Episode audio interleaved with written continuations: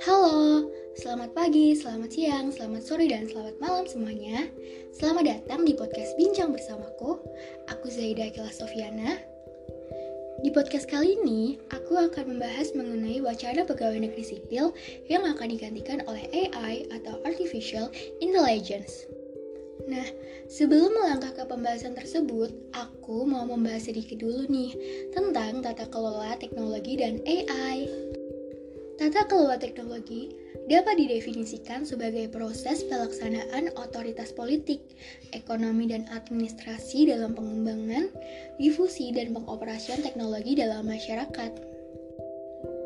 Hal ini dapat terdiri dari norma-norma, misalnya peraturan, standar, dan adat istiadat, tetapi juga dapat dioperasionalkan melalui arsitektur fisik dan virtual yang mengelola risiko dan manfaat. Tata kelola teknologi berkaitan dengan kegiatan pemerintah formal, tetapi juga berkaitan dengan kegiatan perusahaan, organisasi masyarakat sipil, dan komunitas praktik. Dalam arti luas, ini merupakan jumlah dari banyaknya cara di mana individu dan organisasi membentuk teknologi dan bagaimana sebaliknya teknologi membentuk tatanan sosial ada banyak hambatan untuk memungkinkan teknologi yang muncul nggak hanya terletak pada teknologi, tetapi dalam tata kelola teknologi. Bagi sebagian orang, pemerintahan itu terlalu kompleks dan berat. Bagi yang lain, sistem pemerintahan gagal dalam melindungi nilai-nilai kemanusiaan utama yang mengarah ke krisis kepercayaan publik terhadap teknologi.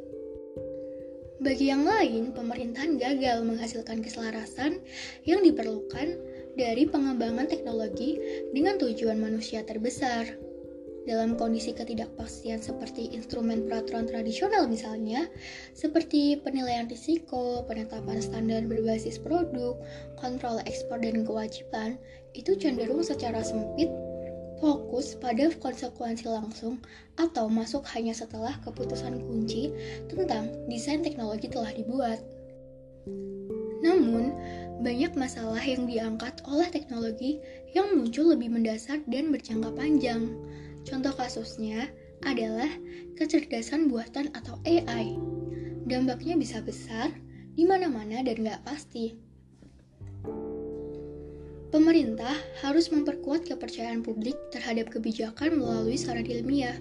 Kepercayaan publik juga sangat penting untuk memastikan dukungan dan kepatuhan terhadap langkah-langkah kebijakan. Tata kelola AI diperumit oleh jumlah institusi dan tema kebijakan yang mempengaruhinya. Dibandingkan dengan sebagian besar teknologi lain, lebih banyak trade-off harus dikelola dalam hal alokasi sumber daya dan penetapan tujuan. Lebih banyak konstituensi harus dipenuhi, dan lebih banyak contoh potensial dari ketidakcocokan kebijakan harus diprediksi dan dihindari. Nah, masuklah kita ke pembahasan utama, pada tahun 2019, Presiden Joko Widodo pada Musrenbaknas RPJMN 2020 sampai 2024 mengatakan berkomitmen menggantikan para PNS dengan robot AI. Yang akan digantikan adalah eselon 3 dan eselon 4. Dari pernyataan Presiden Jokowi bahwasanya dalam menggantikan eselon 3 dan eselon 4 dengan AI ini nantinya dapat dilatih dari daya yang dapat dihubungkan dengan algoritma. Sehingga dengan cara ini diharapkan e, bisa membuat birokrasi lebih sederhana dan lebih cepat saat merespon perubahan dunia. Namun, pergantian yang dimaksud ini bukan berarti semua PNS yang ada di Indonesia diberhentikan, tetapi akan ada kolaborasi antara manusia dengan teknologi. Prosesnya ini sebenarnya udah berjalan semenjak dua tahun lalu, di mana sudah setiap tahunnya jumlah PNS yang direkrut semakin kecil. Proses ini ternyata sudah digitalisasi dengan semakin banyaknya proses dalam pemerintahan yang sudah memakai AI atau teknologi yang lebih jauh performanya. Menurut Ketua Umum Dewan Pengurus Nasional Korps Pegawai Republik Indonesia atau Korpri, Sudan Arif Fakullah menjelaskan, jenis sektor pekerjaan PNS yang tergantikan dengan teknologi saat ini antara lain pekerjaan yang berkaitan dengan pengawasan teknis, operator, dan mekanis. Contohnya, yang sudah banyak tergantikan itu adalah penjaga tol. Bisa kita lihat saat kita berkendara di jalan tol dan memasuki gerbang tol saat akan membayar, itu kita bayarnya udah nggak perlu nyerahin uang ke mbak-mbak atau mas-mas itu loh. Tapi tinggal tap kartu tol aja. Nanti yang mengawasi seperti penjawab mesin itu operator. Lalu untuk hal bersifat mekanis, yang bersifat terus-menerus, itu nantinya fungsinya bisa digantikan dengan mesin. Namun, Ketua Umum Dewan Korpri menegaskan bahwa PNS yang berkualitas memadai nggak akan tergantikan dengan sistem kecerdasan buatan yang menggunakan mesin robot. Sehingga rencana pemerintah untuk menerapkan teknologi dalam sistem administrasi pemerintahan bisa menjadi salah satu pemicu bagi seluruh PNS untuk meningkatkan kapabilitas mereka menjadi lebih mumpuni dengan kata lain dapat memotivasi mereka. Lantas apa sih kelebihan dari AI sampai-sampai dinilai cocok untuk menggantikan PNS yang notabene adalah manusia?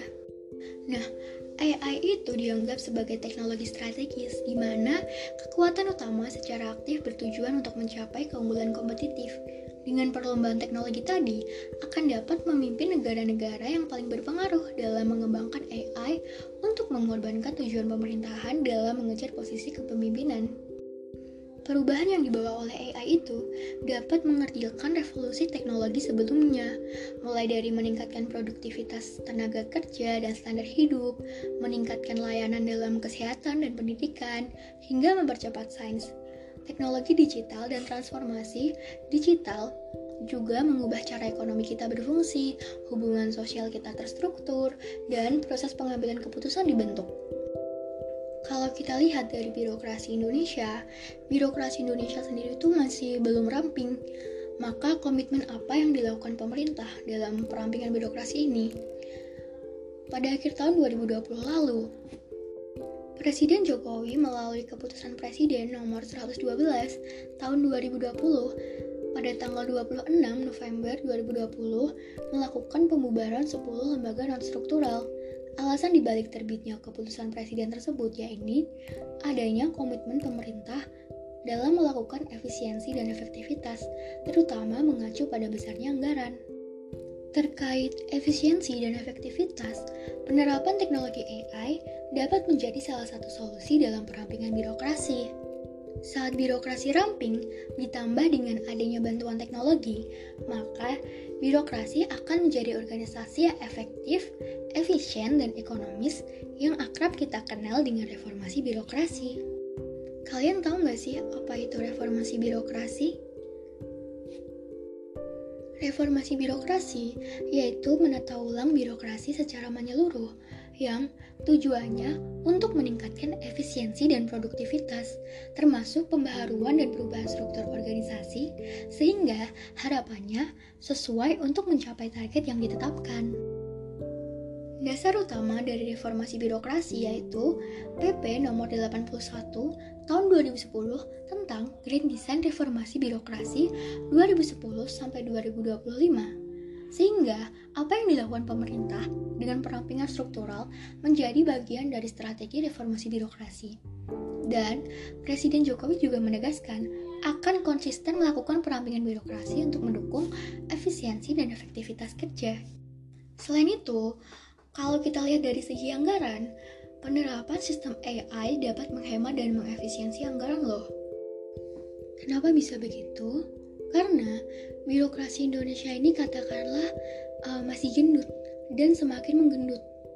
Konsekuensi dari birokrasi yang gendut adalah inefisiensi kerja, termasuk juga alokasi anggaran yang semakin besar. Disebabkan oleh tingginya kebutuhan untuk memberikan tunjangan dan belanja pegawai ke PNS. Gak cuma PNS aja loh, tapi juga pensiunan PNS yang masih menjadi tanggungan negara. Gak cuma itu aja loh, pergantian ini juga bisa meminimalisir tindakan pungli atau pungutan liar yang dilakukan oleh sejumlah oknum. Seperti yang kita tahu, kalau birokrasi negara kita ini rumit. Salah satu kasusnya adalah pembuatan EKTP. Padahal pemerintah pusat telah mempermudah pembuatan EKTP, tapi tetap saja orang-orang di lapangan mempersulit pembuatan EKTP. Kita juga memasuki era revolusi industri 4.0, di mana Upaya untuk menggantikan PNS dengan AI tadi dapat menjadi sebuah tanda bahwa kita siap dalam menyambut era tersebut. Toh, mungkin di masa yang akan mendatang nanti, entah 10 tahun, 20 tahun, atau beberapa tahun ke depan, semua aktivitas manusia mau nggak mau akan bersentuhan dengan teknologi kecerdasan buatan. Terkait kapan waktunya, kita nggak tahu, we never know. Tentu saja waktu yang dibutuhkan nggak singkat, masih banyak yang harus dimatangkan dan membutuhkan uh, perencanaan yang lebih komprehensif. Sehingga melihat berbagai kelebihan-kelebihan dari pergantian uh, PNS ke AI, aku pribadi setuju sih atas wacana tersebut. Meskipun masih ada beberapa hal yang tetap nggak bisa tergantikan oleh AI, salah satunya teamwork yang dimiliki oleh manusia. Ya, semoga saja wacana tersebut dapat terlaksana dengan baik, sehingga birokrasi di negeri kita benar-benar bisa berubah menjadi ramping, lebih efektif dan efisien. Dengan begitu, Indonesia bisa menjadi selangkah lebih maju dari sebelumnya. Baiklah, demikian pembahasan dari podcast kali ini. Terima kasih telah menyempatkan waktunya untuk mendengarkan podcast dari Bincang Bersamaku. Stay safe and stay healthy everyone.